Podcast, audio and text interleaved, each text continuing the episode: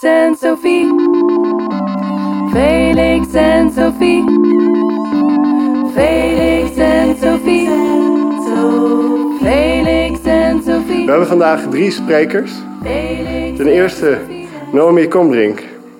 Zij is literatuur- en cultuurwetenschapper en schrijver. Zij stelt dat de kwaliteit van kunst niet los is te zien van immorele maker. Na de pauze zullen wij Clint Verdonschot horen.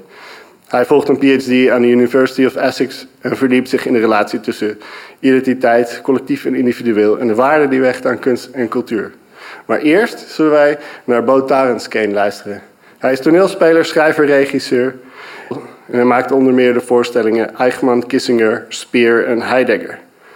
Bo zal deze avond enkele fragmenten voorlezen uit zijn stukken. Ik nodig van harte uit op het podium en geef hem een applaus.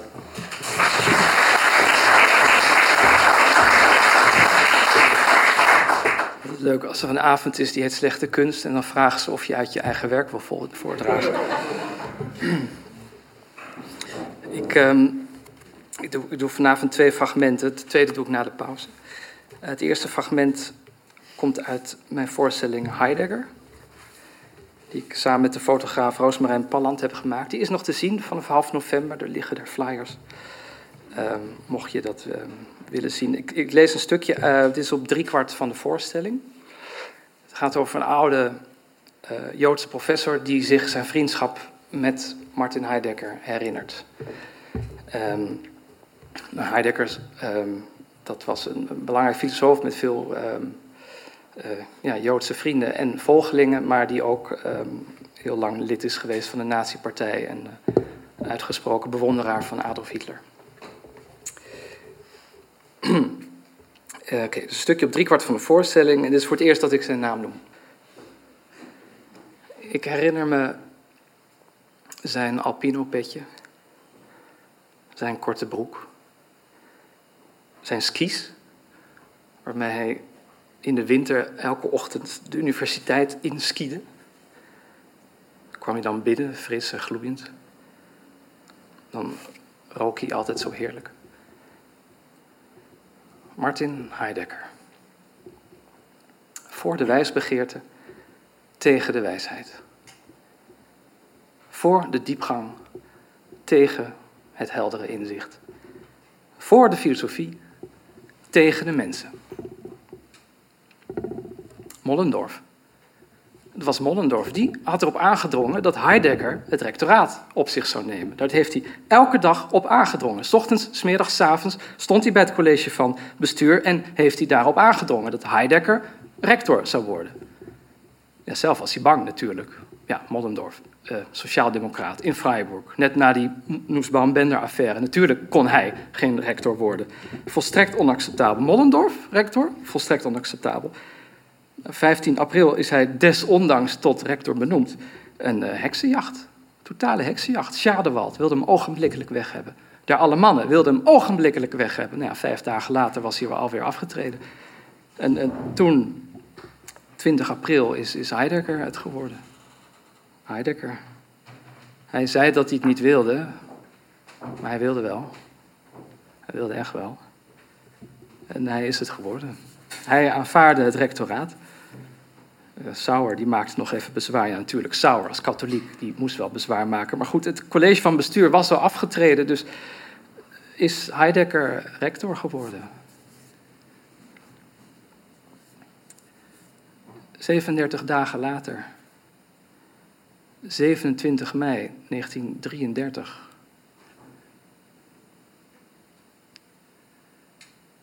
Kijk, ik heb een heel leven lang heb ik altijd alles begrepen. Altijd alles en iedereen begrepen. Niets dan grenzeloos begrip. Niets dan capitulaties. Heel leven lang. Niets dan capituleren. Omdat iemand begrijpen uiteindelijk daarop neerkomt. Hè? Dat je capituleert voor de omstandigheden die iemand hebben gemaakt zoals hij is. Dat je iemand begrijpt als gevolg van, als slachtoffer van omstandigheden, van vergissingen, van verkeerde keuzes of simpelweg een defect in een karakter. Waarmee je dus, zodra je iemand begrijpt, diegene tot slachtoffer maakt. En dus zelf niets anders kan doen dan capituleren voor andermans slachtofferschap. Capituleren voor het feit dat het zo en zo is. Dat iets is Zo heb ik het gepeupel altijd begrepen, omdat het het gepeupel is. Zo heb ik de elite altijd begrepen, omdat het de elite is van een klasseloze maatschappij. Ik heb ook altijd hun gebrek aan klasse begrepen. Maar hij, hij, hij had Carl Schmitt een brief gestuurd. Carl Schmitt had hij uitgenodigd. En die kwam natuurlijk niet. Schmitt die wilde orde en Heidegger revolutie. Zijn rectoraatsrede een oorlogsverklaring. De denker moet zich dienstbaar opstellen. Zulke dienstbaarheid levert de fundamentele ervaring van de oorsprong van ware kameraadschap. Dienstbaarheid ten opzichte van wie? Het gepeupel? Kameraadschap. Tussen wie? De eenheid van vuist en hersenen? Eerst filosofische extase, vervolgens volksgemeenschapsmystiek. De volksgemeenschap als gezamtkunstwerk, oftewel prostitutiefilosofie, kameraadschapshoererij. Op papier de aankondiging van de beslissende akte in de gigantomagie van de zijnsgeschiedenis, maar in de praktijk oorlogsverklaring tegen de professoren. Want op activisme moest het aankomen. Activisme, alles draaide opeens alleen nog maar om activisme. Oftewel de tirannie van de jeugd, de tirannie van de korte broeken, de opgewektheid, de frisheid. Tegen de professorenuniversiteit, tegen de toga's, tegen de vakidioten. vakidioten. In 1968 hoorde je die term ook opeens weer elke dag op straat. In 1968 hoorde je er ineens weer Ernst Jünger overal in de straten. Ernst Jünger, die nergens wilde gaan staan waar niet eerst de vlammenwerper de grote zuivering door het niets had uitgevoerd. Ernst Jünger, die Ernst Jünger hoorde je opeens weer.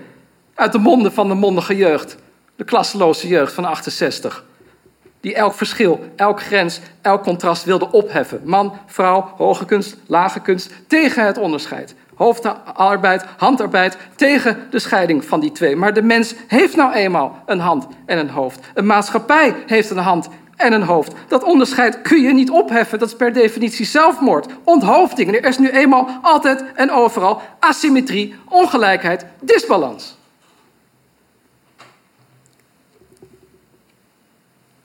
Waarheid gedegradeerd tot opinie. Dat is wat de democratie uiteindelijk werkelijk drijft. Waarheden degraderen tot meningen. Want de waarheid is per definitie antidemocratisch. In 33 gevlucht voor rechts, in 68 gevlucht voor links. Twee keer.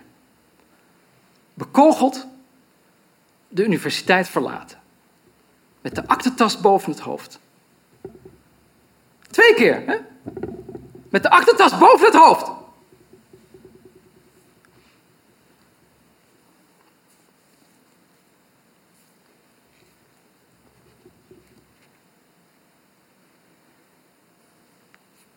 We waren in het bos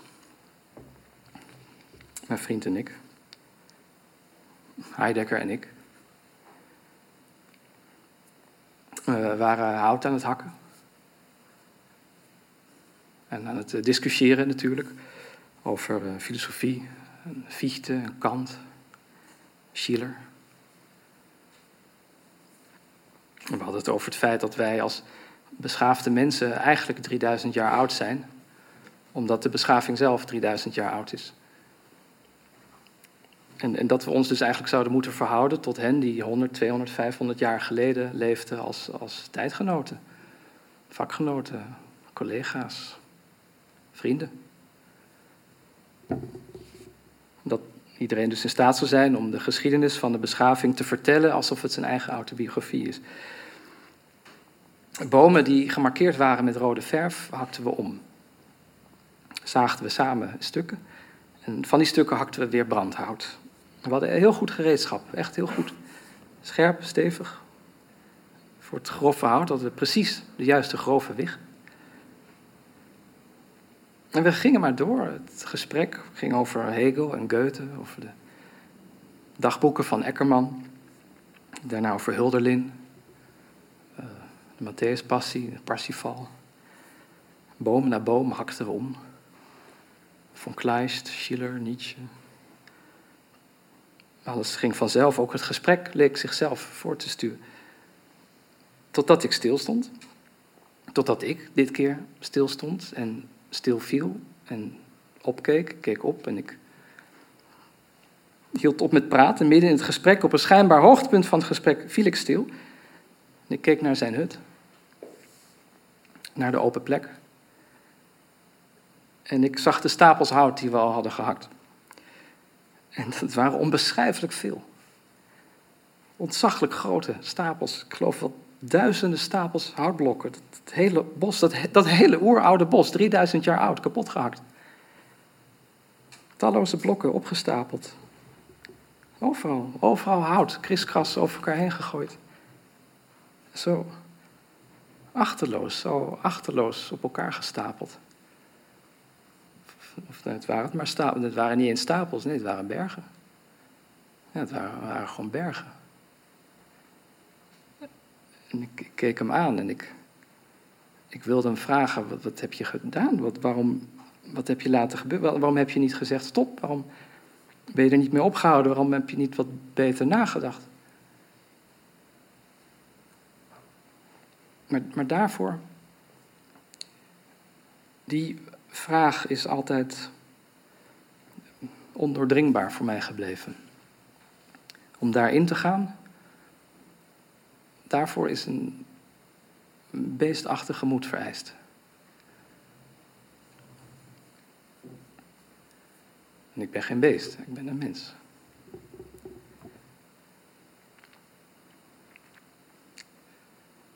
Hij is er nooit op teruggekomen. Hij heeft nooit spijt betuigd. Nooit een verklaring willen geven van wat er in hem omging en waarom hij toen deed wat hij deed en zei wat hij zei en bewonderde wie hij bewonderde.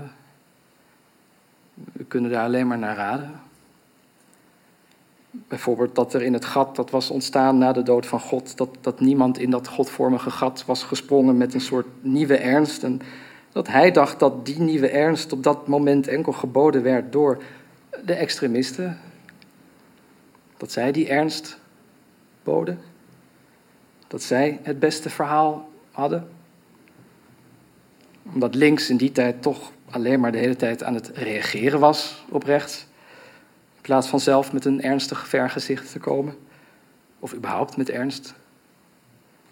Dat links toch verworden was tot een wedstrijdje zelfspot, zelfondermijning, zelfrelativering in die tijd.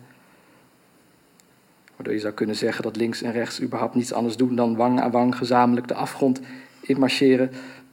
Toch wel weer iets heel verbindends heeft. Maar ik wil dat woord verbinding eigenlijk nooit meer horen. Als je gezien hebt wat kameraadschap betekent, hoe dat eruit ziet, hoe dat eruit kan zien, kameraadschap, werkelijke verbinding, als je dat gezien hebt, we hebben tenslotte nooit meer zoveel verbinding gezien als in die tijd, nou, dan wil je dat woord verbinding nooit meer gebruiken.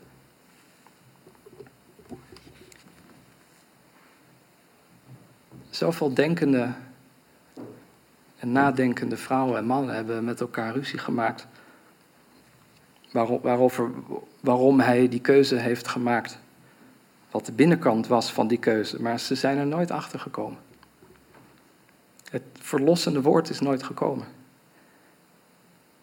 Wat op zich ook wel weer mooi is. Want omdat je in dat onbegrip, die, die, dat gedeelde onbegrip, in die onbegrijpelijkheid, in die ondoordringbaarheid, je toch ook weer verbonden kunt voelen met al die anderen die het niet begrijpen. Dus dat onbegrip ook kan verbinden. Dat het onbegrijpelijke, dus datgene wat zelf met niets anders te verbinden is, juist dat kan zijn wat ons met elkaar en de wereld verbindt. Maar nu, nu heb ik het toch weer over verbinding. En dat wilde ik nou juist nooit meer doen. Tot hier, dank u wel.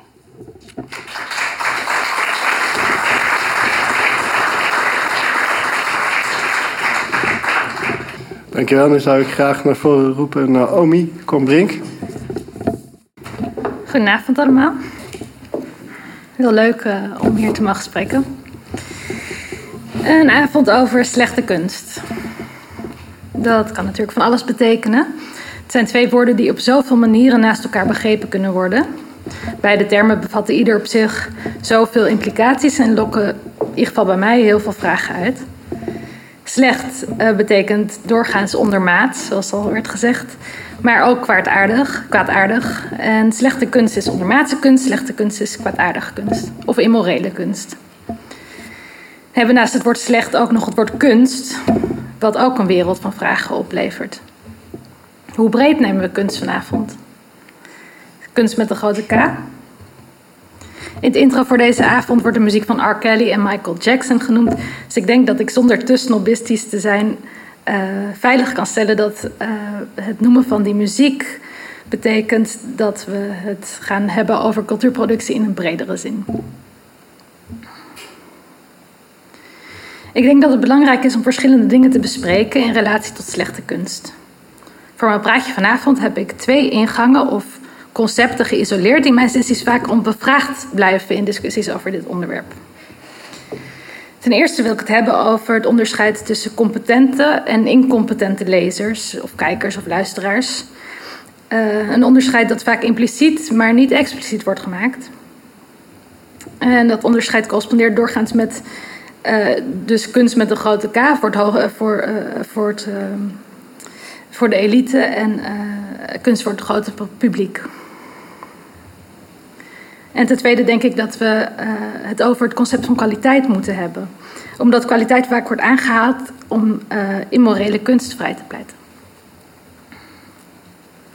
Voordat ik begin is het nog even goed om onderscheid te maken tussen werken die slecht zijn vanwege de inhoud, dus immorele kunst zelf, en uh, werken die zelf niet immoreel zijn of lijken te zijn, maar die immorele makers hebben. Voor het eerste deel wil ik even de makers achterwege laten en het over immorele werken hebben. En vooral over de aannames die we doen over wie er precies in staat zijn zich niet te laten beïnvloeden door immoreel werk. Later kom ik nog wel terug op de immorele maker.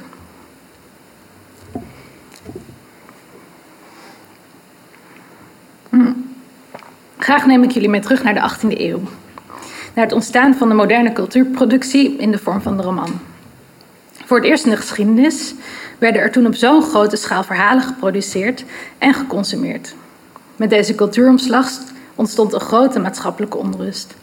Want romans lieten lezers meer dan ooit identificeren en hadden om die reden een ongekende macht. Daarbij was het lezerspubliek in één keer vele malen vermenigvuldigd Waar voorheen boeken vreselijk kostbaar waren en alleen beschikbaar voor rijk en hoogopgeleid publiek, werd er in de 18e eeuw in grote mate en in grotere mate in de 19e eeuw voor het eerst op grote schaal uh, goedkopere boeken gedrukt. De geletterdheid was gestegen en de verhaalproductie werd gedemocratiseerd. En de elite was bang voor de morele gevolgen hiervan. Want hoe kon een laag opgeleid publiek, hoe kon van hen verwacht worden dat ze een gezonde afstand zouden houden van wat ze lazen? Deze ongerustheid concentreerde zich vooral op vrouwelijke lezers, wier hoofd op hol zou slaan van al die romantische verhalen die er toen werden geschreven en gemaakt. Uh, en verhalen die suggereerden dat ze ook konden trouwen voor de liefde in plaats van voor de sociaal-economische orde met uh, wie hun vaders zeiden met wie ze moesten trouwen. Het kan geen toeval zijn dat in precies dezelfde periode de beroemde filosoof Immanuel Kant, die net ook al werd genoemd, uh, zijn esthetica ontwikkelde. Zoals vele van, uh, van de filosofen in de zaal hier weten, uh, stelt Kant dat om schoonheid te ervaren een kijker of lezer in een bepaalde belangeloze afstand uh, van het betreffende object moet hebben. Dus er mag geen verlangen huizen in de ontmoeting tussen object en subject en zeker geen identificatie. Um, alleen met een gezonde, ja, belangeloze afstand kan er een ware ervaring van schoonheid plaatsvinden. Deze gedachteschool, die tot op de dag vandaag prominent is in heersende kunstopvattingen op de academie, vertelt ons dus dat een emotionele afstand essentieel is. En deze afstand is doorgaans gereserveerd voor, daar komt hij, uh, voor witte mannen. Uh, voor hoogopgeleide witte mannen. Het idee van uh, ongeëmotioneerde kunstconsumptie uh, is Kant echter voorbijgestreven. Het gaat niet alleen maar over, uh, over de ervaring van schoonheid, het gaat ook over het begrip van kunst. En dus over het immuun zijn voor immorele kunst. Alleen als je een competente kijker of lezer bent, kan je het aan om immorele kunst te consumeren. En voor die mensen, de competente lezers, is het dan ook geen probleem, is vaak de gedachte. Dit idee lag ten grondslag aan de maatschappelijke onrust over die corrumperende romans en liefdesverhalen in de 18e en 19e eeuw, maar vandaag de dag is die ook nog prominent. Bijvoorbeeld in de laatste Felix en Sophie podcast, die uh, een soort van het voorgesprek voor deze avond uh, is, kwam het idee ook terug. Daarin werd iets gesteld met de strekking: bij kunst die in musea hangt, is het minder problematisch dat het immoreel is, uh, als het immoreel is dan bij kunst voor de massa, zoals mainstream films. Ik vind het belangrijk om hierbij stil te staan, omdat het een interessante veronderstelling verraadt. Het verraadt het idee dat de competente Kantiaanse lezer immuun kan zijn voor de immoraliteit van een werk. En deze houding staat dus in een lange traditie, uh, in elk geval binnen mijn uh, uiteraard niet volledige kennis van onze cultuurgeschiedenis, waarin de witte mannelijke elite zich zorgen maakt over de inhoud van cultuur en kunst gemaakt voor de massa. En zich tegelijkertijd minder bekommert over de morele inhoud van hun eigen kunstwerken. Binnen de esthetica is dat dan ook een focus geweest. De verdorven effecten van de massaproductie van kunst, uh, die beschikbaar maakte voor een groot publiek. De zorg van de Frankfurter Schule over de massaproductie. Uh, het hele veld van de bestudering van kitsch heeft zich lange tijd voornamelijk bezig gehouden met de immorele implicaties van deze massakunst. En de sentimentaliteit en verdorvenheid, de slechte invloed die het heeft op het volk.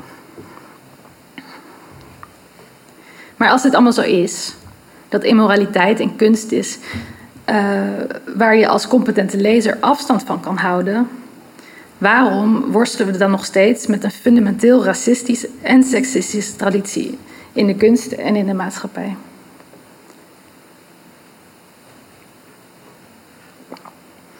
Het antwoord op deze vraag is natuurlijk dat er pas afstand genomen kan worden van immoraliteit wanneer het ook gezien wordt als immoraliteit. Het zien van mensen als, van kleur als primitief en onmenselijk, het aanranden van vrouwen, dat werd lange tijd door de portwachters van onze cultuur in elk geval niet als immoreel gezien. Deze portwachters zagen en zien vaak nog steeds niet in eh, in hoeverre eindeloos immorele wereldbeelden worden gereproduceerd. Ze zagen zelf niet dat ze blind waren voor de immoraliteit die inherent is aan de machtsstructuren van de maatschappij, waarin ze leefden en waarin wij leven. De menselijkheid van witte vrouwen, van vrouwen en mannen van kleur, wordt tot op de dag van vandaag ontkend in onze cultuurproductie. De niveaus van seksisme die we als normaal accepteren, die we nog steeds op de leeslijsten van de middelbare school zetten, is stuitend. Het racisme dat we nog steeds wegwuiven, omdat het nou eenmaal normaal was in die tijd, is verwerpelijk. We lezen Volkers, Mulisch, Conrad, uh, Bronte en we lezen Immanuel Kant. Die zei dat vrouwen minderwaardige denkers waren en zwarte mensen in Afrika geen capaciteit voor schoonheid hadden. Maar we gaan door met denken dat competente lezers niet beïnvloed wordt, worden door immorele kunst. Daarnaast gaan we door met het verdedigen van immorele kunst op basis van kwaliteit. Kwaliteit die zo hoog is dat we deze werken uit onze kanon onmisbaar achten. En laten we het daar eens over hebben. Over die onmisbare kwaliteit die we zo roemen in het werk van kunstenaars zoals Wagner, Picasso, Mahler, Degas. We vergeven een hele hoop immoraliteit ten behoeve van de kunst. En hier laat ik dan ook uh, even het strenge onderscheid los tussen de immoraliteit van het werk en van de maker. Kwaliteit dus. Het tweede concept waar ik het over wilde hebben. In relatie tot deze kwaliteit ga ik het zo ook al even hebben over de kanon. Maar eerst over dat idee van ondermaatsheid. Hoewel we het vanavond over kwaadaardige kunst zouden hebben, is het idee van slechte kunst in de zin van ondermaatsheid ook relevant. Ondermaatse kunst is namelijk nog steeds kunst. Ondermaatse kunst heeft nog steeds het privilege kunst genoemd te worden. En zo heeft kwaadaardige kunst ook het privilege om kunst genoemd te worden. Kunst die kwaadaardig is, waarvan we ons afvragen of we er wel van mogen genieten, is doorgaans niet ondermaats. Het is juist zo goed dat we het niet willen missen.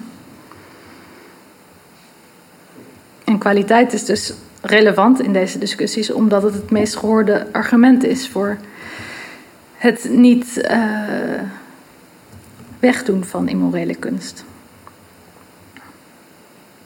Deze opvatting dat de kwaliteit iets onmisbaar maakt, gaat echter voorbij aan het feit dat kwaliteit geen neutraal gegeven is. Kwaliteit ontstaat in een politieke context waarin de preoccupaties, mogelijkheden en het wereldbeeld van de heersende groep wordt gereproduceerd en versterkt.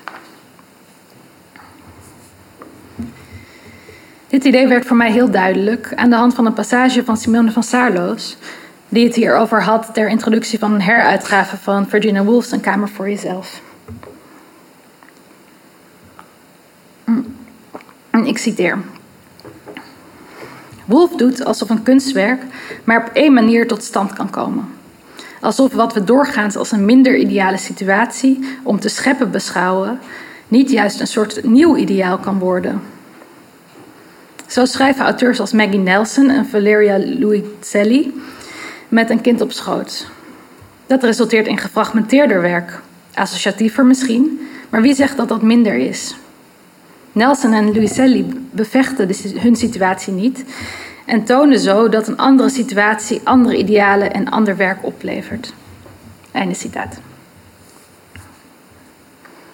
Wat voor mij hier zo duidelijk werd, is dat andere omstandigheden andere kwaliteiten produceren.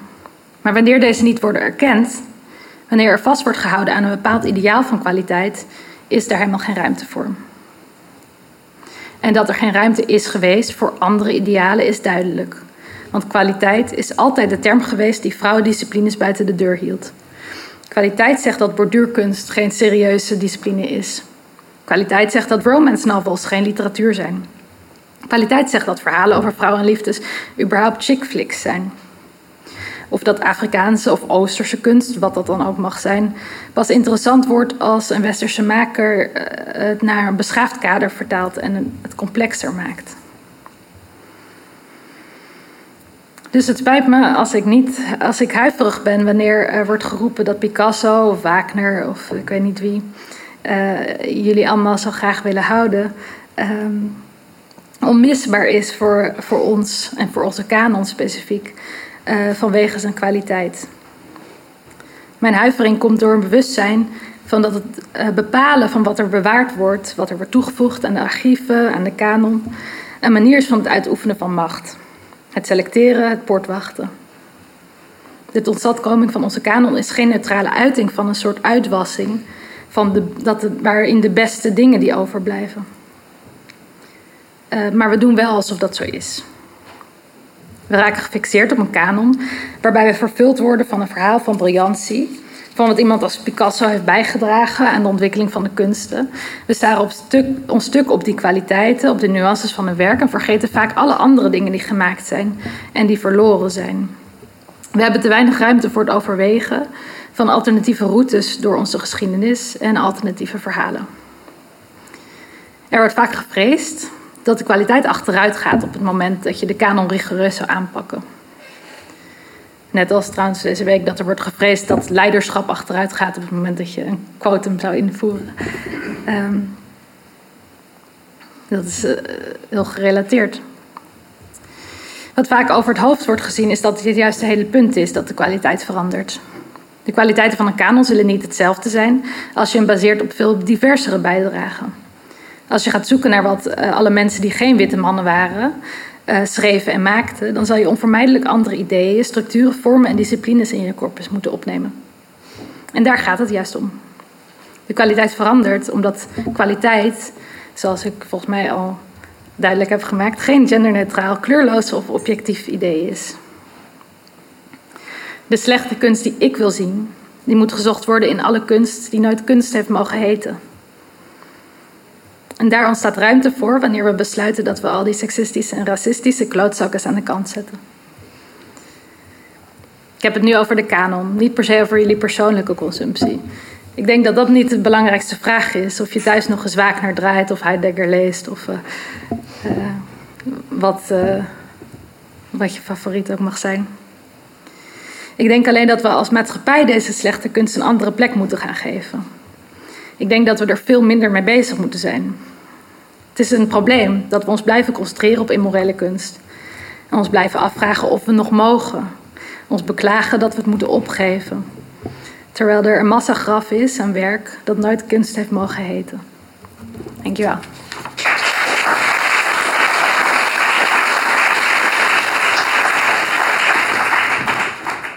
Dan zou ik nu opnieuw Bo naar het podium willen uitnodigen voor het tweede deel.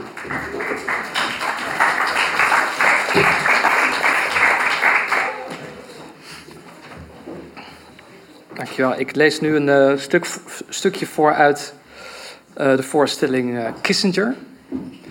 een toneelstuk dat ik schreef samen met romanschrijver, essayist Joost de Vries.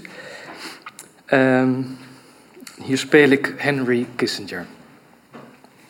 Weet, eigenlijk mensen nog, nog wie dat is? Eén, ik zie twee mensen knikken.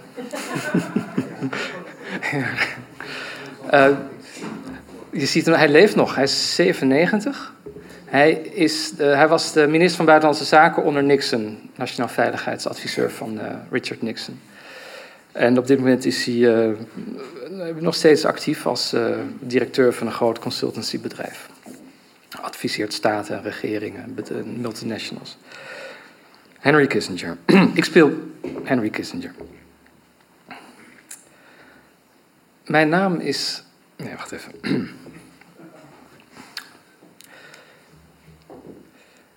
Mijn naam is Heinz Alfred Kissinger. Ik ben geboren in 1923 in Fürth. In 1933 ben ik tien jaar oud en wordt mijn vader, die leraar is op een openbare basisschool, ontslagen omdat hij joods is. In 1938 ben ik 15 en vlucht ik met mijn ouders en broers voor de nazi's naar de Verenigde Staten van Amerika. Ik groei op in New York tussen de andere migrantenkinderen.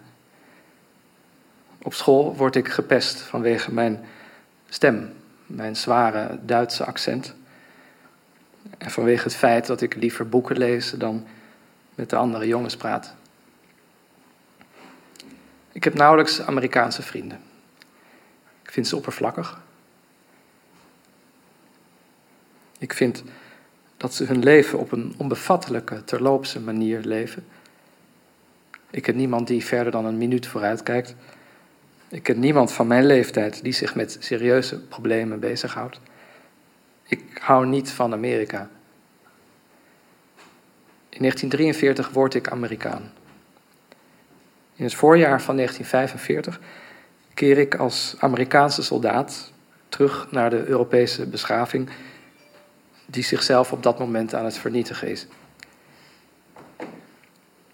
Ik ben 22 en ik loop door de kapotgeschoten steden. Ik zie op de straten, in de tuinen, eh, in de deuropeningen, piano's, dagboeken, schoolschriften, familiefoto's. In een Franse schuilkelder, tijdens het hoogtepunt van een Duitse artillerieaanval, vraag ik om haar gerust te stellen aan het mooiste en zachtste meisje dat ik ooit heb gezien, wat zij het belangrijkst vindt aan een man. La tendresse, zegt ze tederheid. Ik versta haar niet door het lawaai van de inslaande granaten en het verbrijzelende glas. La tendresse! Schreeuwt ze nog een keer, wit van angst. Ik ben 22 jaar en ik ben verantwoordelijk voor de jacht op Gestapo-officieren. Ik ben 22 en ben bij de bevrijding van een concentratiekamp.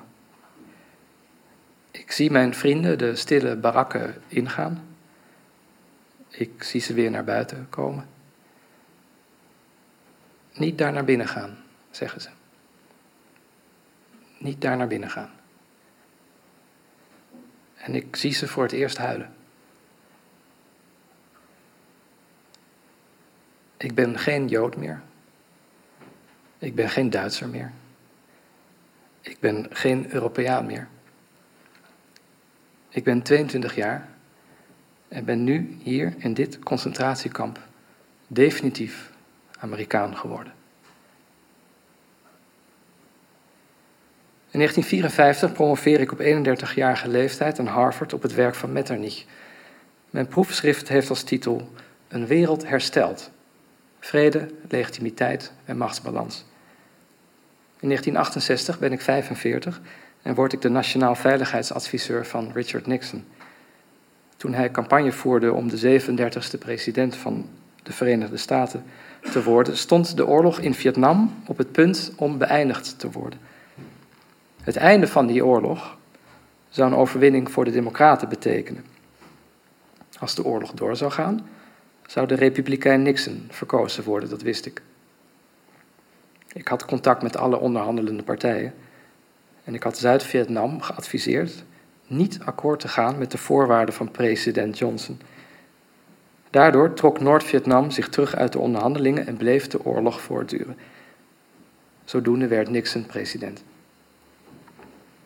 Om Noord-Vietnam terug aan de onderhandelingstafel te krijgen, passen we de tactiek van de krankzinnigen toe. We doen net alsof we gek geworden zijn en dwingen ze op die manier de onderhandeling in. We gaan over tot het bombarderen van Cambodja, hun buurland, neutraal. Dit doen we in het volste geheim, zonder medeweten en zonder toestemming van het Amerikaanse congres. B-52 bommenwerpers hebben officieel de opdracht om doelen in Vietnam te bestoken, maar krijgen, eenmaal opgestegen in de lucht, andere coördinaten door van de grondradar. De piloten denken dus dat ze bommen gooien op het zuiden van Vietnam, maar in werkelijkheid bombarderen ze het neutrale Cambodja. In 14 maanden worden zo 3600 geheime missies gevlogen boven Cambodja. 110.000 bommen worden in die 14 maanden op dat land losgelaten met 300.000 doden tot gevolg. Uiteindelijk zal dat land dermate ontwricht raken dat de Rode Khmer daar de macht kan grijpen, die vervolgens een schrikbewind zou voeren met 2,5 miljoen doden tot gevolg. De werkelijke gevaren die ons van buitenaf bedreigen, zijn niet Rusland of Beijing. Nee, dat zijn de andere afdelingen binnen de Amerikaanse regering namelijk het ministerie van Binnenlandse Zaken, de staf van het Witte Huis, de CIA, het ministerie van Defensie. Dat zijn de echte vijanden. Dat zijn de echte bedreigingen van onze macht. In 1973 wordt de vrede getekend. De voorwaarden voor vrede, vrijwel identiek aan die welke president Johnson vijf jaar eerder had voorgesteld, in 1968. Op het Vietnam-monument staat de helft van de namen van de veteranen die zijn gesneuveld na 1969. Er is niet genoeg graniet in Washington om alle namen op één muur te krijgen. Laat staan dat iemand op het idee zou komen een muur op te richten met daarop de namen van alle Vietnamezen en Cambodjanen die zijn omgekomen. Dat monument zou van heel Washington één grote muur maken. In 1973 krijg ik, samen met mijn Vietnamese collega, de Nobelprijs voor de Vrede voor onze rol in het beëindigen van de Vietnamoorlog. Mijn collega weigert de prijs uit principe. Ik accepteer hem uit principe. Ik accepteer, de prijs een jaar nadat de democratisch verkozen socialistische president van Chili, Salvador Allende, is vermoord tijdens een gewelddadige staatsgreep van een rechtse junta die ik samen met de CIA heb ondersteund. Ik zag niet in waarom we aan de kant moesten staan en toekijken hoe een land communistisch wordt, puur vanwege de stomzinnigheid van zijn eigen bevolking. Deze coup was het begin van een 17-jarig schrikbewind van generaal Pinochet. Ik accepteerde de Nobelprijs voor de Vrede. In hetzelfde jaar waarin ik tegen de president van Amerika zeg dat de emigratie van Joden uit de Sovjet-Unie geen Amerikaans belang dient, en dat als ze daar Joden in gaskamers stoppen, dat dat voor de Verenigde Staten van Amerika van geen enkele betekenis is. Ik ben direct verantwoordelijk voor het verlengen van de Vietnamoorlog. Ik ben direct verantwoordelijk voor de dood van honderdduizenden onschuldige burgers in Cambodja. Ik ben indirect verantwoordelijk voor de opkomst van de Rode Khmer. Ik ben direct verantwoordelijk voor de opkomst van een dictatuur in Chili. Ik heb staat ontwricht, vlucht- vluchtelingenstromen veroorzaakt, levens en beschavingen verwoest. Maar het overgrote deel van de wereld noemt mij nu nog altijd hardnekkig een realist. Een realist. Een rationalist. Een pragmaticus. Een geniaal diplomaat. Ik sta bekend als een goede vriend van een familie Clinton. Ik sta bekend als iemand die het spel beheerst. Als iemand die de spelregels kent. Wat zegt dat over die wereld? Wat zegt het over de mensen?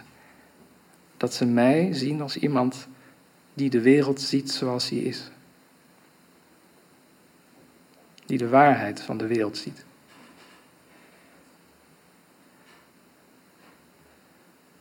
Ik ben helemaal geen realist. Niemand is een realist. Niemand ziet de wereld zoals die is. Ik ben een idealist. Ik wil iets maken. Iets repareren. Net als iedereen.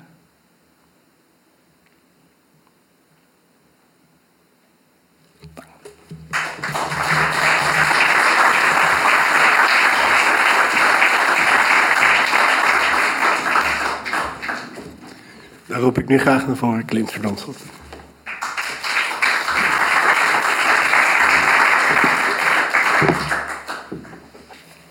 Dus een van de, van de mooie dingen aan een PhD over esthetica is dat je ook heel veel over kunst mag praten. En dat wilde ik dus ook vanavond gaan doen. Ehm, te beginnen met de relationele kunst van Rirkri Tiravanicha. Ik geloof dat ik dat goed uitspreek. De, die relationele kunst die is moeilijk te duiden. Dat, dat houdt veelal een soort midden tussen performance, installatie. En het heeft altijd een twist. Namelijk dat het publiek altijd zelf onderdeel is van het kunstwerk. Dus eh, een van zijn eerste kunstwerken was ongetiteld, tussen haakjes, Pad Thai. Het heeft geen titel, maar wel iets tussen haakjes. Eh, en het was min of meer Tiravanice die in de Paula Allen Gallery van New York, ergens begin jaren 90, Pad Thai begon te bakken voor de bezoekers. En dus de bezoekers ook uitnodigde om mee te eten. En toen hij klaar was met het kunstwerk, heeft hij alle vuile vaat opgesteld en achter een vitrine gezet voor die mensen die zo nodig op zoek waren naar een kunstobject wat ze konden waarderen. En ja, dus dat is een ironische geste. Hè? Dat, dus dit is niet echt het kunstwerk. Het echte kunstwerk is al afgelopen. Eh, en eh, ja, dus een beetje de, de vraag waar ik omheen ga cirkelen vandaag... en die ik zal proberen te beantwoorden... is hoe kan het dat je kunst kan maken uit menselijke interactie? Eh, want dus dus dat, dat partij, er, is geen soort magische, kunstzinnige essentie die toegevoegd wordt aan, aan, het koken of zo. Dat is niet een extra ingrediënt wat erbij hoort. Het is gewoon, het is een partij en het is het samen eten en dat is het. En mijn antwoord zal zijn, is dat ik, dat ik denk dat alle kunst eigenlijk zodanig is. Dat alle kunst eh, een bepaalde houding eh, toestaat tot menselijke interactie. En dat, dat, dat sommige kunst, dat, dat lijkt alsof die eigen normen hebben, dat die zich verhouden tot een soort eigen wereldje. Uh, maar goed, dat maakt die normen niet per se categorisch anders of zo. Ja, dus één zo'n kunstwerk waarvan je zou kunnen denken dat dat verhoudt zich tot hun eigen normen, dat is. Uh, het lijkt op een landschap van Liu Wei, een Chinese kunstenaar. Uh, dit is niet, het lijkt op een landschap, dit is een traditioneel Chinees landschap en uh, ik weet er niet heel erg veel van hoor. Dus neem het met een korreltje zout, neem het niet voor waar aan. Maar hoe ik het begrijp is dat Chinese landschappen eigenlijk de hoogste kunstvorm zijn in, in China. In in westerse kunst is dat vaak de dichtkunst, afhankelijk van wie het, met wie je het erover hebt, is theater. Hè, eh, Wagner dacht dat het zijn kunst was. Eh, en in China is het dus het landschap. En eh, dat, waarom dat zo is, dat varieert ook per periode, per, per kunstenaar ook. Maar het is altijd omdat het een belangrijke boodschap te vertellen heeft. Dus voor de Daoïsten symboliseert het Chinese landschap een soort ontsnapping aan, aan, de, aan, aan de samenleving. En dus een ontsnapping naar de vrije natuur. Eh, dit kunstwerk is volgens mij van een andere orde, namelijk dit is een soort patriotistisch kunstwerk, een soort viering van de macht van de keizer. Eh, en de schoonheid van het Chinese land wat hij bestuurt. Eh, goed, dus kern, kernboodschap hier: het is de belangrijkste hoogste kunstvorm. En eigenlijk moet je als Chinees kunstenaar dus ook gewoon landschappen onder de knie hebben. Dus toen Liu Wei verschillende voorstellen had gedaan aan de Shanghai Biennale, eh, allemaal afgewezen, stond, zond hij op een gegeven moment dus ook maar een landschap in. Met het idee dat is wat ze willen. Dit landschap was eigenlijk net iets anders. Dus dit, is, dit, dit heeft misschien wel een lesje, maar dat lesje is vooral voor die biennale jury, volgens mij, niet voor het publiek. Eh, ik bedoel, ja, nee, ik vind het een heel mooi kunstwerk. Dus. Het Weesfoto laat volgens mij ook zien dat kunstpraktijken vaak op zichzelf betrokken zijn. Dus dit, dit werk is duidelijk een verwijzing naar die traditionele kunstwerken. Eh, en dat, dat laat al snel de gedachte reizen dat kunst een soort eigen domein is. Hè? En dat ontwikkelingen in de kunsten eh, verdere ontwikkelingen van eerdere kunstwerken zijn of zoiets. Eh, dus de gedachte met, dus deze, deze gedachte wordt vaak geassocieerd met Clement Greenberg. Dat een Amerikaans kunstcriticus die vooral, veel, vooral erg onder de indruk was van abstract expressionisme. Eh, ja, en, dus hij verwoordt de gedachte zo. Ik zal de quote vertalen voor de mensen die het Engels niet zo machtig zijn. Eh, de dichter of kunstenaar wendt zijn of haar aandacht van de inhoud van onze alledaagse ervaringen en vestigt deze aandacht op het medium van zijn of haar eigen ambacht. Eh, grofweg is dus voor Greenberg is de gedachte zo. eh, een schilderij is een tweedimensionaal vlak. En omdat het tweedimensionaal is, moet je dus ook eigenlijk geen diepte op suggereren. Dat is een vorm van liegen. Dat is een vorm van ook herkenbare eh, afbeeldingen voorspinnen. En dat is eigenlijk iets wat alleen de massa leuk vindt. Dus Naomi had het al over. eh, sorry, mag ik Naomi zeggen? Sorry. Eh, Na- Naomi, had het al over, over, over, over massakunst als, als, als, als minderwaardig en, en voor mensen die minder competent zijn. Die, die gedachte spreekt ook heel erg uit het essay van Greenberg, volgens mij. Maar goed, dus daar heb ik het nu niet zozeer over. Wat ik meer heb, waar, ik het over wil hebben, is die gedachte van... het is een tweede, tweedimensionaal vlak... en daaruit volgen een soort kunsteigen norm... namelijk je moet het alleen hebben over... wat je alleen moet doen is, is, is abstracte composities van kleur en vorm. Eh, Dat is grappig, want ongeveer 500 jaar eerder... had je een Italiaan... Leon Battista Alberti... En die eh, had hetzelfde uitgangspunt. Die zei: kunst, dat is een schilderijen, dat zijn tweedimensionale vlakken. En daarmee zijn ze eigenlijk uitstekend geschikt voor het suggereren van een driedimensionale ruimte. Eh, dus dat is precies hetzelfde uitgangspunt, maar een diametraal tegenovergestelde conclusie.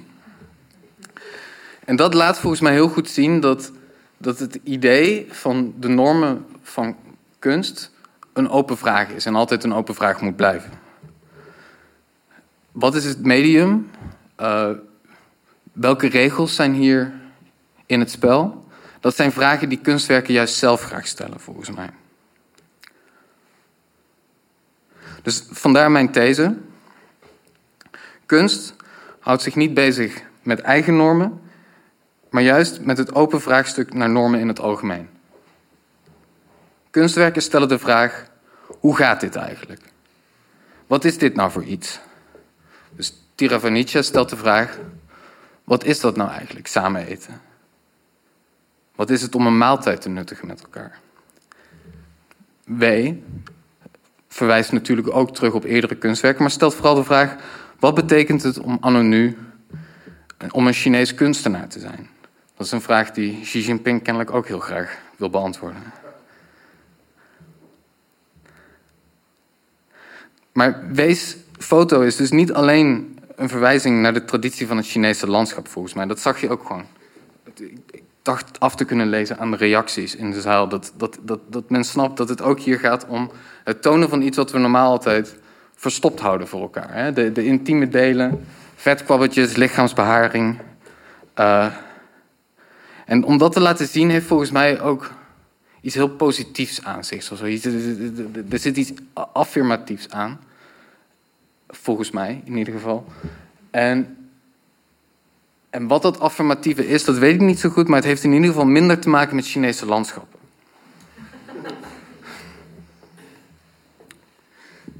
Dus om terug te komen naar mijn voorstel. Alle normen, ook die in de kunstwereld, zijn ethische regels. Het is een beetje de vraag of het goede ethische regels zijn of niet. Maar in ieder geval zijn de normen waar ze bezig zijn regels die zich bevinden in het domein van de ethiek.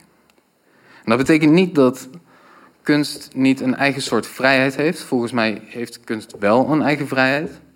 Maar die vrijheid die is in, die bestaat in de mindset die je hebt tot, tot die normen. En niet omdat je je bezighoudt met je eigen normen. Dus hier, hier moet ik iets gaan uitleggen over wat ik denk dat het verschil tussen ethiek en e- esthetica is. Um, ethiek dan eerst. Dus eh, als we, als we het hebben over ethiek, dan denken we vaak van hè, opgeven vingertje, dingen die je niet mag doen. Uh, ik denk dat ethiek ook te maken heeft met vrijheid. Dus de, de regels die wij aan elkaar opleggen, die we soms onszelf opleggen, die, dat doen we omdat we een bepaald soort vrijheid nastreven. Vaak noemen we dat autonomie. Die autonomie die wordt mogelijk door je te identificeren met normen en dan het liefst die normen die je ook daadwerkelijk als kenmerkend voor jezelf acht. Dus om Korsgaard te quoten, ik vertaal wederom. Altijd wanneer ik handel in overeenstemming met mijn rollen en identiteiten, die jou dus de normen geven, altijd wanneer ik toesta dat ze mijn wil besturen, dan keur ik ze goed. Dan omarm ik ze en ik bevestig, bevestig eens te meer dat ik ze ben. Dus dat is echt identificatie. Ik ben mijn identiteit.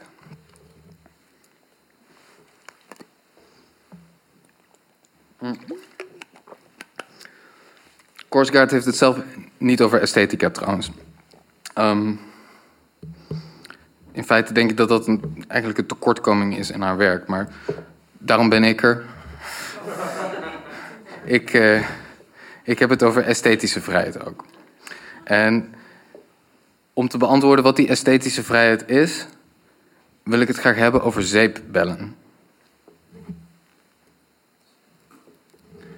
De zeepbel speelt een hele bijzondere rol in schilderkunst.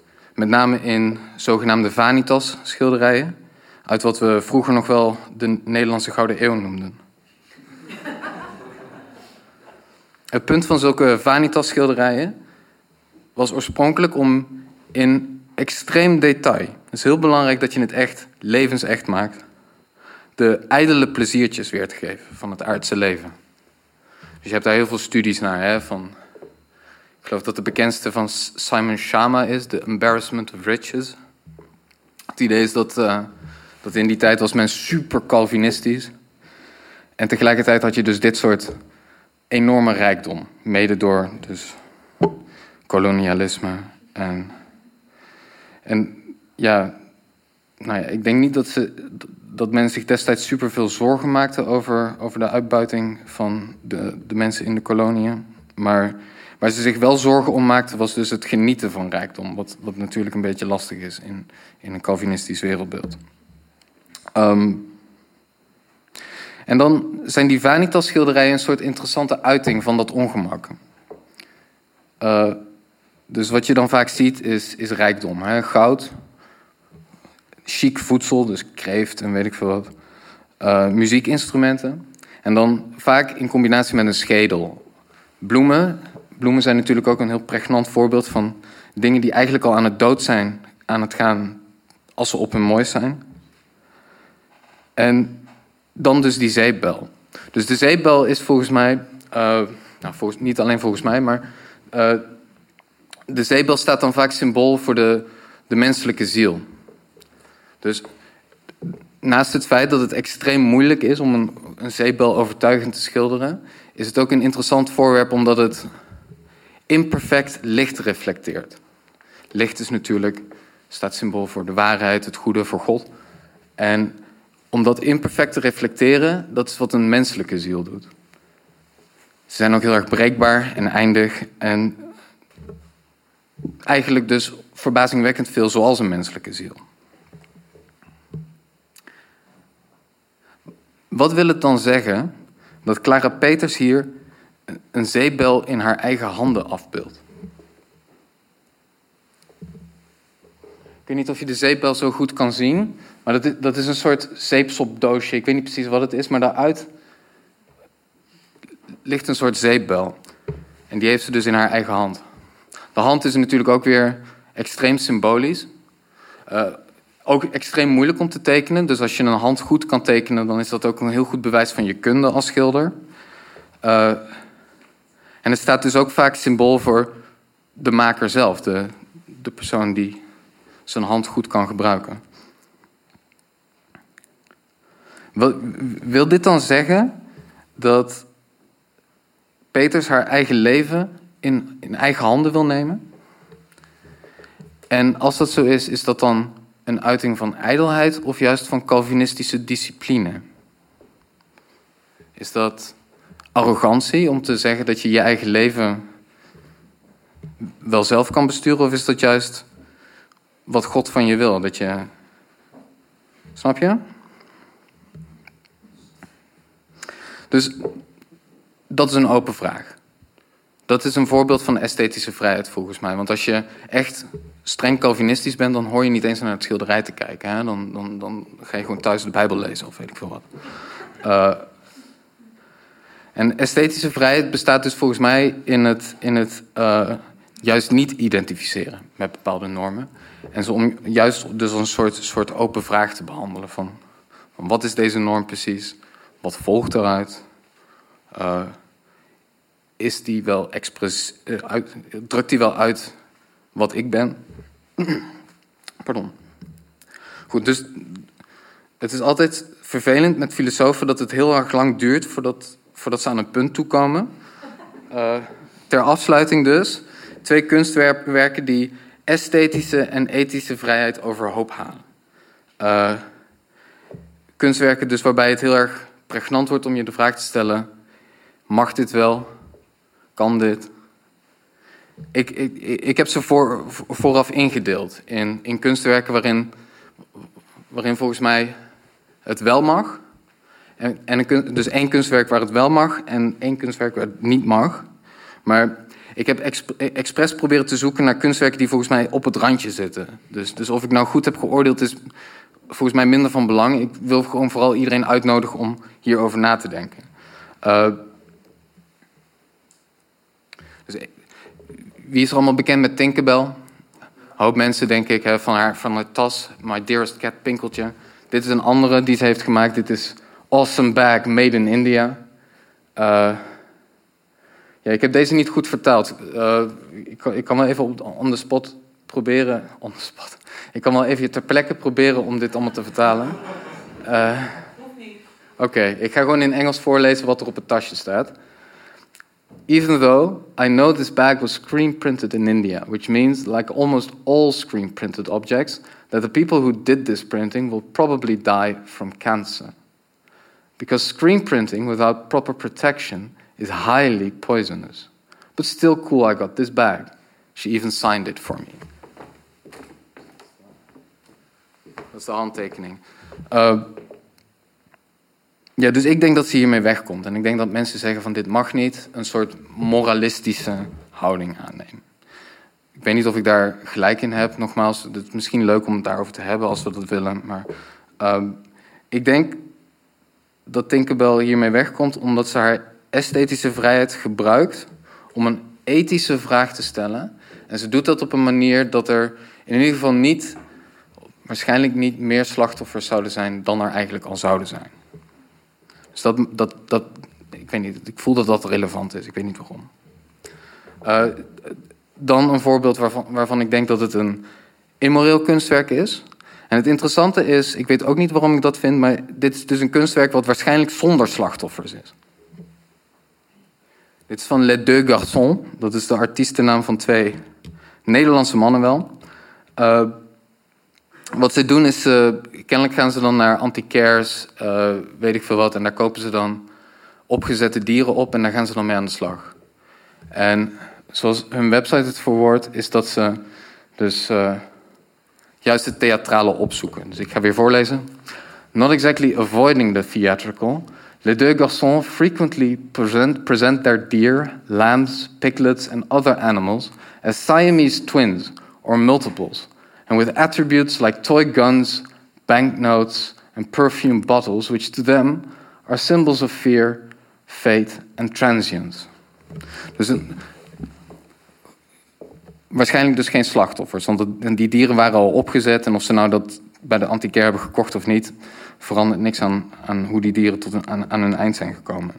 Maar iets, iets, iets vind ik, ik vind iets aanstootgevend aan de houding die het presenteert. Weet je wel? Dat je er zo mee aan de slag gaat. En, en ja, het,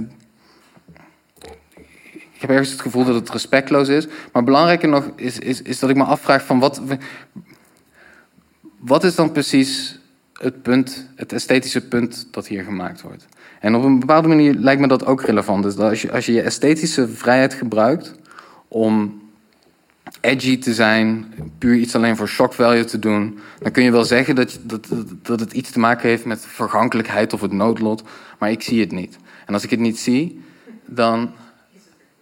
Nou ja, dan, dan wil ik het graag. Dan, dan, dan moet je het mij duidelijk maken. Maar als, je, als het me niet duidelijk gemaakt kan worden, dan, dan, dan wordt de morele vraag ook weer interessant, voor, of relevant voor mij. Snap je wat ik bedoel?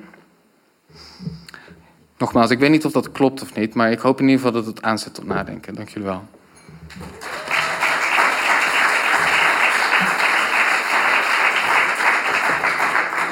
Dankjewel, Clint, voor je lezing. Deze avond is wat anders dan de gemiddelde Felix en Sofie avond, omdat we natuurlijk een theatermaker aan tafel hebben. Dus ik dacht, maar het is misschien wel mooi om even bij jou te beginnen in dit gesprek. En ik vroeg me af, waarom heb je precies deze twee stukken uitgekozen voor deze avond? Waar zie jij precies de link? um, nou, um, als je het hebt over uh, uh, immorele kunst. Ik had net uh, vroeg aan jou van, maar wat zijn dan voorbeelden van immorele kunst, van, van slechte kunst? en je, je, noemde het in, in, je, in, je, in je lezing bijvoorbeeld kunst gemaakt door slechte mensen. Um, daarom dacht ik, nou, dan. Um, of ik, ik had al een beetje verwacht dat, dat dat de insteek zou zijn van de avond. Daarom dacht ik, nou, ik, ik, ik, ik doe een stukje over Heidegger. Wat niet een heel fris persoon was. Mm -hmm. hartstikke antisemitisch. Um, maar wel ontzettend grote invloed heeft gehad op, op, op, heel veel Joodse en, en, sociale, politieke en humanistische filosofen. Hannah Arendt en Levinas um, hebben echt op zijn werk doorgewerkt. Uh, wat voor mij uh, zijn werk alleen maar spannender maakt. En, en, en, en, en, complexer. Dus dat iemand die antisemitisch was, blijkbaar wel in staat was om hele humanistische, sociale, politieke denkers te inspireren. Um, en dat, dat vind ik eigenlijk het, uh, het mooie en interessante van kunst. Ik, ik, noem het even kunst, maar ook, ook, ook zoiets, uh, dat werk van Heidegger, dat het moreel ambigu is. En dat er een innerlijke tegenspraak in zit. Um, en waarom ik een stukje Kissinger deed, was, nou, ik maakte die voorstelling ook om hem te begrijpen. Om te begrijpen hoe zo'n intelligente man zo slecht kon zijn en zo zelfbewust slecht en hoe hij dat aan zichzelf kon rechtvaardigen. Maar om, om zo iemand te begrijpen moet je ook, ehm, moet je ook even je oordeel opschorten. En dan kom je op veel interessantere dingen uit dan wanneer je vanuit een oordeel of een vooroordeling ehm, iemand tegemoet treedt. Ehm, ja, dus, dus ik, het, is het hoort ook, vind ik, heel erg bij deze tijd, waarbij je een, een, een steeds grotere, intensere mate van hokjesdenken ziet, zowel bij links als bij rechts, om alles te reduceren tot een hokje. Ehm, dus, we, dus we reduceren een kunstwerk tot de regisseur die pedofiel was. Of, ehm, of we re- reduceren een heel filosofisch werk tot die filosoof die dan ehm, racistisch of antisemitisch of seksistisch was. En goed, daar, wil ik met mijn werk ook tegen ingaan. Ik vind kunst gaat over ambiguïteit. En kunst eh, speelt zich voor mij af niet hier op een podium of in een roman of op een wit scherm, maar in de ruimte tussen het podium en, en jullie. Daar speelt het kunstwerk zich, zich af. Dus het is ook uh, wat jullie ermee doen en van maken, uh, is wat het kunstwerk maakt en, en, en constitueert. En dat wordt laatste tijd heel erg um, vaak vergeten. Hm. Dus je bent het eigenlijk heel erg eens met wat Clint betacht, is dat je als je kunst maakt ook direct een ethische vraag stelt in de zin van wat is dit, waar zijn we mee bezig? Zeg ik dat goed, Klim? Ja, ja dat klopt. Ja, ja mag ik iets, op iets anders ingaan? Van, Natuurlijk. Van, van, want je, je, had het daarnet ook over, over begrijpen en, en, en de wens om Heidegger te, te begrijpen. En dat kwam uh, op een bepaalde soort manier kwam dat terug, in, in, ook in het stuk van Kissinger, toch? Uh, en, en het grappige is, is dat je. Dat, wat mij opviel is dat je daar het woord begrijpen uh, voor gebruikt. Dus je, dus je kent misschien wel dat onderscheid tussen begrijpen en verklaren. Mm -hmm. uh, waar verklaren dus een soort model is voor de natuurwetenschappen, waarbij je op zoek gaat naar oorzaken in plaats van redenen, toch? Mm -hmm. uh, en dus, dus, Heidegger is een interessant. Ik, ik, weet niet heel veel van Heidegger hoor, maar. Dus wat je bijvoorbeeld noemde, over de, de, dus de, Jood, de verteller, de Joodse professor, die begreep een hoop van Heidegger, maar noemde eigenlijk alleen een hoop oorzaken, toch? Van uh, omstandigheden die, die een mens maken tot wat hij is. Nee, dat idee had ik niet. Oh, sorry. Nee, het maakt niet uit. Nee, dat is, maar dat, als jij dat ervan. Uh, nee, zo heb ik, nee, ik zou ook niet weten wat dat zou. Wat, wat die oorzaken zouden kunnen zijn, behalve dan zijn katholieke opvoeding. Mm -hmm. of, het, of het milieu, het, het, het, het, burgerlijke milieu waarin hij opgroeide, of, of die vreselijke vrouw waarmee hij getrouwd was. Uh, niet dat ik alle schuld bij de vrouw wil leggen, maar het, het, zou een van de naast zijn vader was ook niet zo'n zo zo'n leuke man, geloof ik. Um, Wat was er zo vreselijk aan zijn vrouw? Die was nog antisemitischer dan hij. Um, ja, nog fanatieker, nog fanatiekere natie ook. Dus, um... Maar is het is niet een hele simpele reden voor Heideggers gedrag dat hij gewoon opportunistisch was? Dat speelt zeker mee. Maar dat is niet de enige reden. Hij geloofde echt in Hitler. Hij, hij dacht echt, Hitler is de, is de, de, de, de, de, de, de soort de filosoof-keizer die, die um, mijn werk in de praktijk gaat brengen. Hm. We verzanden hier een beetje in de discussie over ja, Heidegger, merk ik. Dat is geen probleem. Ja, zeker. Neem het voor het uit. Nee, ik hoor wat je, wat je zegt over het begrijpen. En, en ik snap dat wel. En ik ben, ik bedoel, ik ben hier ook een, uh, in mijn hele opleiding en mijn hele schoolcarrière. Uh, je, zegt dat het, dat het dreigt te verdwijnen. Maar ik heb eigenlijk heel erg het gevoel dat we als cultuur weinig anders doen dan proberen. Um, immorele geesten te begrijpen. En ik snap de waarde daarvan. En ik snap de, um, het idee dat het simpel is om iemand in een hokje te stoppen. En dat het uh, afdoet aan menselijke complexiteit om, om dat te snel te doen. En dat het een waarde is binnen de kunst om die ambiguïteit op te zoeken en uh, verbinding op te zoeken. Um, maar tegelijkertijd neemt het wel een ruimte in. Tegelijkertijd is het wel zo dat, dat ik eh, ontelbaar meer films en boeken en studies en avond, debatavonden heb eh, bezocht en gelezen en gezien. Eh, waarin, eh, waarin, als we echt over verhalende kunst hebben, waarin eh, er een man centraal staat die. eh, eh, niet helemaal, eh, niet helemaal. Misschien gaat hij vreemd, misschien doet hij dit, misschien eh, is hij antisemiet eh, of misschien eh eh, vermoordt hij iemand. Eh, Ik bedoel, de hele literatuurgeschiedenis draait om dat soort eh, morele afwegingen en om het begrip. Kijk naar Dostoevsky, kijk naar. eh, het, is, het, het is er vol mee. En wat ik heel erg mis, is verhalen over slachtoffers. Wat ik heel erg mis, is, is eh, de andere kant van het verhaal. En ik denk dat we daar als cultuur een heel groot gebrek aan hebben. Dus het is, niet, het is niet zozeer mijn interesse om mensen in hokjes te duwen, als meer dat, ehm, dat ik het gevoel heb dat we als cultuur echt gigantisch verzadigd zijn met het begrip eh, opbrengen voor. eh, voor, voor immoraliteit van de daders. En een heel groot tekort hebben aan de ervarings- en de, belevingswereld van, van mensen aan de andere kant. En dat, dat zijn verhalen waar, waar ik naar verlang. Dus dat, dat, dat hangt in die zin ook samen voor mijn pleidooi om, om, eh, om het gewoon in, aan de kant te zetten en op zoek naar andere eh, nuances te gaan. Er Meer dagboeken van Anne Frank. Nou, niet, niet eens zo simpel, maar ehm, ja, nou, meer eh, niet alleen maar verkrachtingen laten zien eh, als soort van iets wat gebeurt, wat een man overkomt die zichzelf niet kan helpen en die eh, door omstandigheden dat heeft gedaan, maar gewoon überhaupt een keer eh, een, een verhaal, een genuanceerd verhaal over wat dat.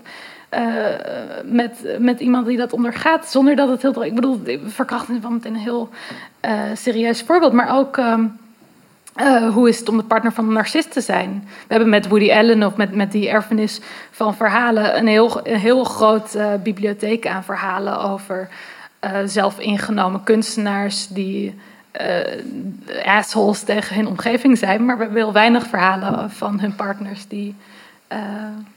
Nou, ik denk, ik denk dat je hier misschien, eh, jij denk ik heel erg uitgaat van het feit dat als je dan een verhaal vertelt, dat het dan automatisch een moreel verhaal is, een morele context. Maar waar is het esthetische dan gebleven? Moeten we niet ook gewoon mooie verhalen hebben? En, en wat, wat, wat, is de, wat voor rol speelt die esthetiek dan nog?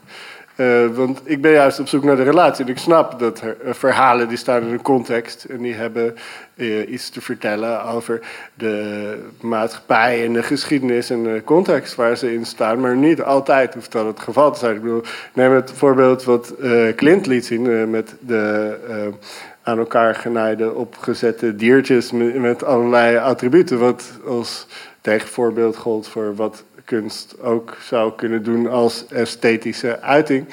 Eh, dat vind ik een heel begrijpelijk tegenvoorbeeld. Ik zou niet per se een substantieve eh, ehm, statement hebben voor wat het dan wel zou moeten zijn, specifiek. Maar ik vind het opwerp van vragen een goed idee.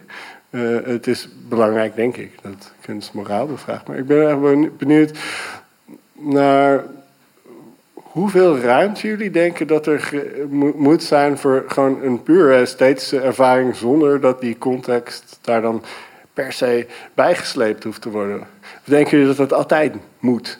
Dat je altijd een kunstwerk in zijn tijdsbestek moet begrijpen en dat er een boodschap aan moet zitten. Ja. Nou ja, oké, dus, dus op een bepaalde manier eh, is het mogelijk om van alles een esthetische ervaring te hebben, natuurlijk. Maar, ehm, dus één ding. ehm, jij, had het er kort over aan het begin, dat je net. Dat, dat, dat, dat, we het eigenlijk vandaag, de, of vanavond de hele avond hebben gehad over cultuurproductie in hele brede zin. En misschien niet over wat we nou traditionaliter tot het, de vrije hoge kunsten rekenen. En ehm, als we het dan over zo'n hele brede, hè, als, als, als, als de muziek van R. Kelly ook een esthetische houding kan, kan, kan ja, dan, dan, dan, dan, is het aan, eh, dan is het aan de ene kant is het de vraag: is er zoiets als een esthetische houding die hetzelfde blijft eh, terwijl al die verschillende cultuurproducten verschillen? Eh, en aan de andere kant, als dat zo is, zegt dat iets relevants over de specifieke ervaring die je hebt met het, met het cultuurproduct in kwestie. Dus we hebben, je had het kort over schoonheid bijvoorbeeld. Zijn alle kunstwerken, gaan die over schoonheid? Dat, dat denk ik niet. Neem het kunstwerk van Liu Wei, die, die, die opgestoken reten. Die, ja, ik bedoel, misschien dat er ergens op de, ja, misschien dat er ergens in de achtergrond iets van, van schoonheid meespeelt, maar misschien dan alleen een hele vage zin. In, waarin we mooi vooral bedoelen als in. Weet je wel, check. Dat, dat, dat, dat, dat keur ik goed. Eh, zonder dat, dus als, als Kant het heeft over schoonheid, dan, dan heeft hij het over. Hè, eh, eh, eh, muurbehang. En, en het design op een muurbehang. Nee, nee. Nee? Maar je vroeg, me, kunnen- moet, ehm, moeten we kunstwerken altijd loszien van de historische context? Dat, dat was jouw vraag eigenlijk, toch? Nou ja, is is de esthetische ervaring van een kunstwerk los te zien van zijn context? Ja, en, en ook, wat je vraag was, als ik het goed begreep, ook van, kan, het, kan iets niet eh, op esthetische gronden worden beoordeeld in plaats van op de inhoud, of de morele inhoud, Hm? of niet? Ja, we kunnen gewoon iets mooi vinden wat gewoon eh immoreel is. Als het kan, dan kan het. Ja, eh, Ja, dus- eh, tu- tuurlijk. Maar kijk, je, je- je- jij komt er met het voorbeeld van, van Dostoevsky... die ons iets leert over goed en kwaad. Nou, hij was hartstikke antisemitisch zelf. Maar toch inspireert hij ons nog steeds in, in nadenken over ethiek... en over ehm, eh, vrijheid en autonomie en, en, en goed en kwaad. Dus dat maakt dan echt niks uit. Dat, eh, hoe, we, gaan, we gaan nu niet meer eh, eh, anders nadenken over, over de, de, de, de, monoloog van de groot inquisiteur. doordat we weten dat het geschreven is door een antisemiet. Nee, dat blijft ons eh, prikkelen. Dus ik, ik denk dat het heel, heel nogmaals reducerend is als we onze eigen, de huidige morele maatstaven gaan opleggen aan, aan dingen die in staat zijn ons te prikkelen en te inspireren en, in een andere tijd gemaakt zijn. Ehm, het, het hangt wel, wat ik net zei, kunst speelt zich af tussen, het theater in dit geval speelt zich af tussen de vloer en het publiek en niet, niet hier of, of in, in dat script zelf.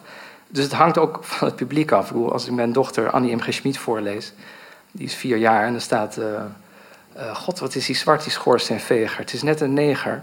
Ja, dan, dan pas ik dat laatste zinnetje een beetje aan. Om, eh, omdat ze vier jaar is. Terwijl als ik het aan, jou, aan jullie zou voorlezen, dan, dan lees ik hem gewoon helemaal voor. Snap je? Dus het, het, het, het is ook... ehm, ehm, dat, wat, wat, iemand, een Nederlands schrijver, die zei het ooit heel mooi: de eh, kunst is de brandstof en eh, de lezer of de consument, publiek, is de motor. De motor die maakt er energie van, die zet het om in beweging en in associaties en, en, en trekt er les uit. Maar ehm, je moet die twee niet door elkaar halen. Maar, motor, het kunstwerk zelf is niet de motor. maar je vindt dus inderdaad dat we als publiek eh, groter kunnen zijn, ons kunnen onttrekken aan de, de morele implicaties of de, de normalisering van racisme, zoals wat je net noemde.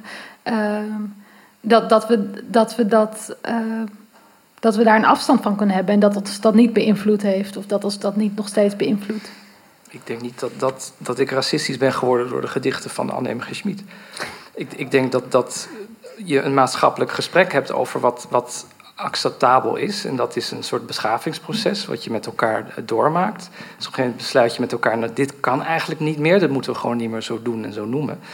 En dan met dat bewustzijn lezen we die, die, die dingen weer. En dan, ja, dan, dan kijken we een beetje hoe we dat uitleggen aan in dit geval aan kinderen. Vind je niet dat dat heel langzaam gaat?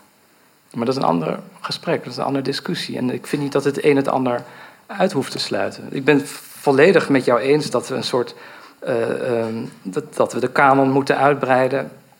Met, eh, eh, met, met, met, met, de, met de kunstenaars die we te weinig eh, in de kanon zien. En, en die we eigenlijk met onze westerse criteria geen kunstenaars zouden kunnen noemen. Maar dat hoeft niet te betekenen dat we geen Dostoevsky of, of Wagner meer mogen Hm. consumeren. Wat ik, wat ik ook nog wel interessant hieraan vind, is de, de, de verantwoordelijkheid die een kunstenaar heeft. Want met kunst kun je natuurlijk dingen laten zien die in de maatschappij niet echt toegestaan zijn, maar die gefictionaliseerd wordt. In je fantasie ben je natuurlijk vrij te denken eh, en te voelen wat je voelt. Uh, denken jullie dat ku- kunstenaars dus ook een soort van morele verantwoordelijkheid hebben om dan die, die morele regels in onze maatschappij te bevragen? Of is dat iets wat helemaal niet bij kunst hoeft te horen? Moet je, moet je taboes doorbreken of moet je iets aan de kaak stellen in je kunst? Het hangt misschien wel een beetje van de taboes af. Het is Hmm. zo'n... Het is zo'n eh, Nou, jij, wil, jij wil een heel open maatscha- maatschappelijk debat door kunst, toch? ja, Ja, dat is wel taboe doorbrekend, I guess. Ja, maar er zijn. eh, de, de- als je. eh, Kijk, het woord taboe. eh, En dat is geen waarde op zich voor mij. Op het de PVV-partijprogramma is ook taboe doorbrekend. Dat, de, de, ehm, de- het is geen waarde op zich om taboes te doorbreken, want sommige taboes zijn er denk ik ook eh, zijn, zijn goed dat die er zijn. Maar ja, kijk, de verantwoordelijkheid voor de kunstenaar. eh, ik vind het is een lastige discussie, omdat aan de ene kant wil je zeggen dat, dat kunstenaars eh, zo vrij moeten zijn, dat elke film gemaakt moet worden, kunnen worden, dat elk onderwerp interessant is. Een beetje zoiets. En aan de, andere, eh, aan de andere kant, als je kijkt naar de cultuurproductie in het geheel, zijn er gewoon hele problematische patronen.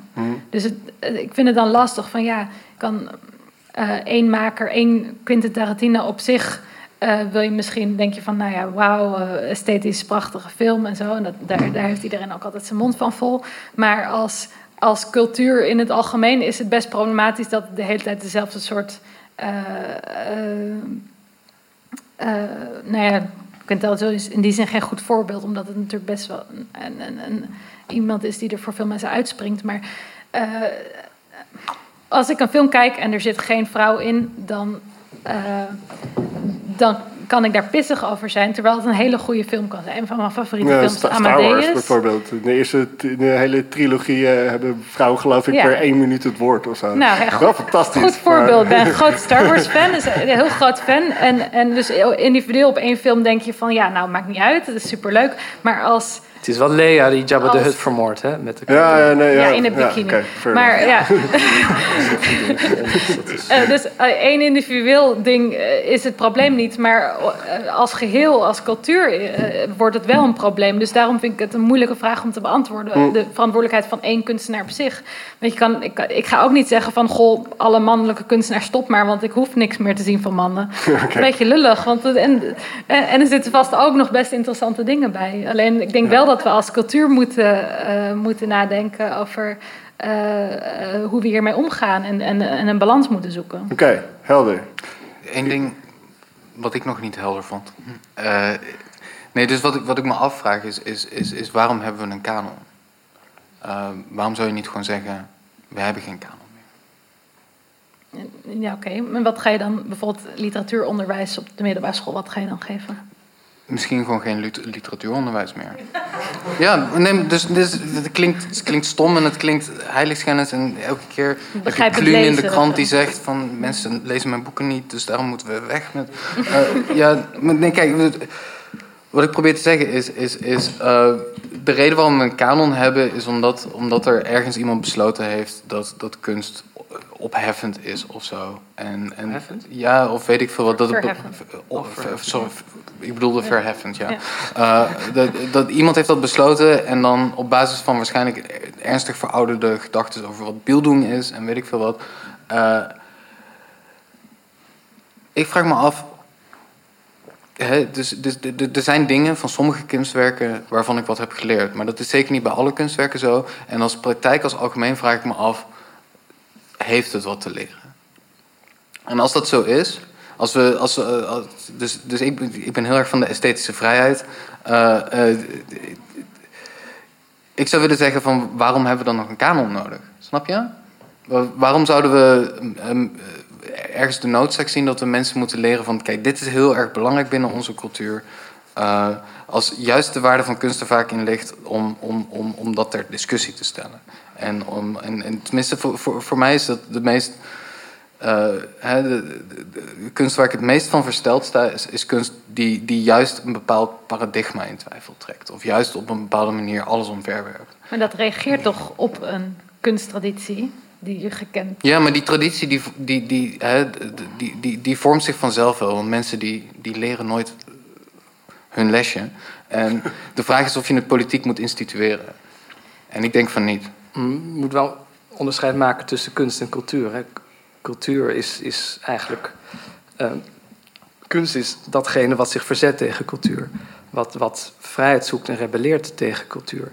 Eh, cultuur is, is, mainstream, het vanzelfsprekend. En, en, en kunst is wat, wat daarop reageert, wat daartegen ingaat. Ik, ik denk dat ehm, als je vraagt, hebben de kunstenaars een verantwoordelijkheid?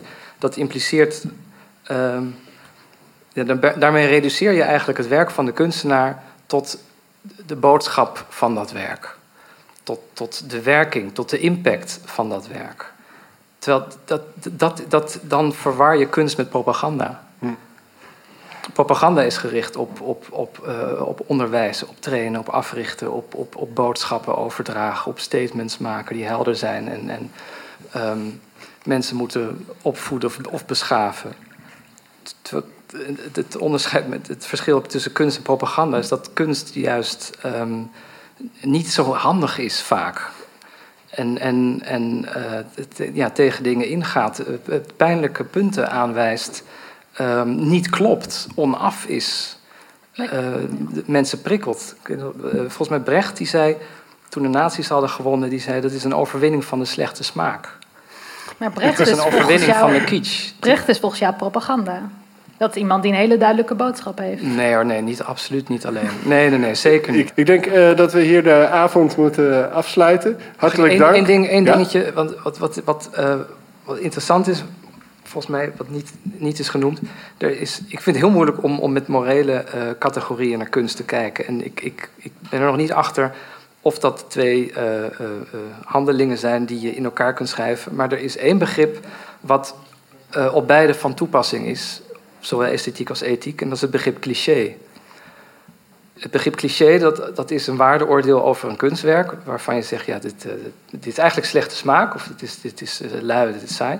Maar het is tegelijkertijd een, een moreel oordeel, omdat eh, clichés, bijvoorbeeld seksistische, racistische clichés, ehm, eh, machtsstructuren in stand houden, in plaats van bevragen of op gronden zetten. Dus ehm, het, woord is nog niet gevallen vanavond, maar het is vol- vol- volgens mij wel een, een het- voor mij tot nu toe het enige begrip waarin beide samenkomen. En dat wilde ik nog even zeggen. Ja, dankjewel. Ik vind het een hele mooie aanzet om door te denken. Bedankt alle sprekers, Clint, Naomi, Bo. En volgende maand zijn we weer terug. Waarmee weet ik nog niet. Maar kijk vooral op onze socials en op onze website en schrijf je in voor onze nieuwsbrief. Hartelijk dank.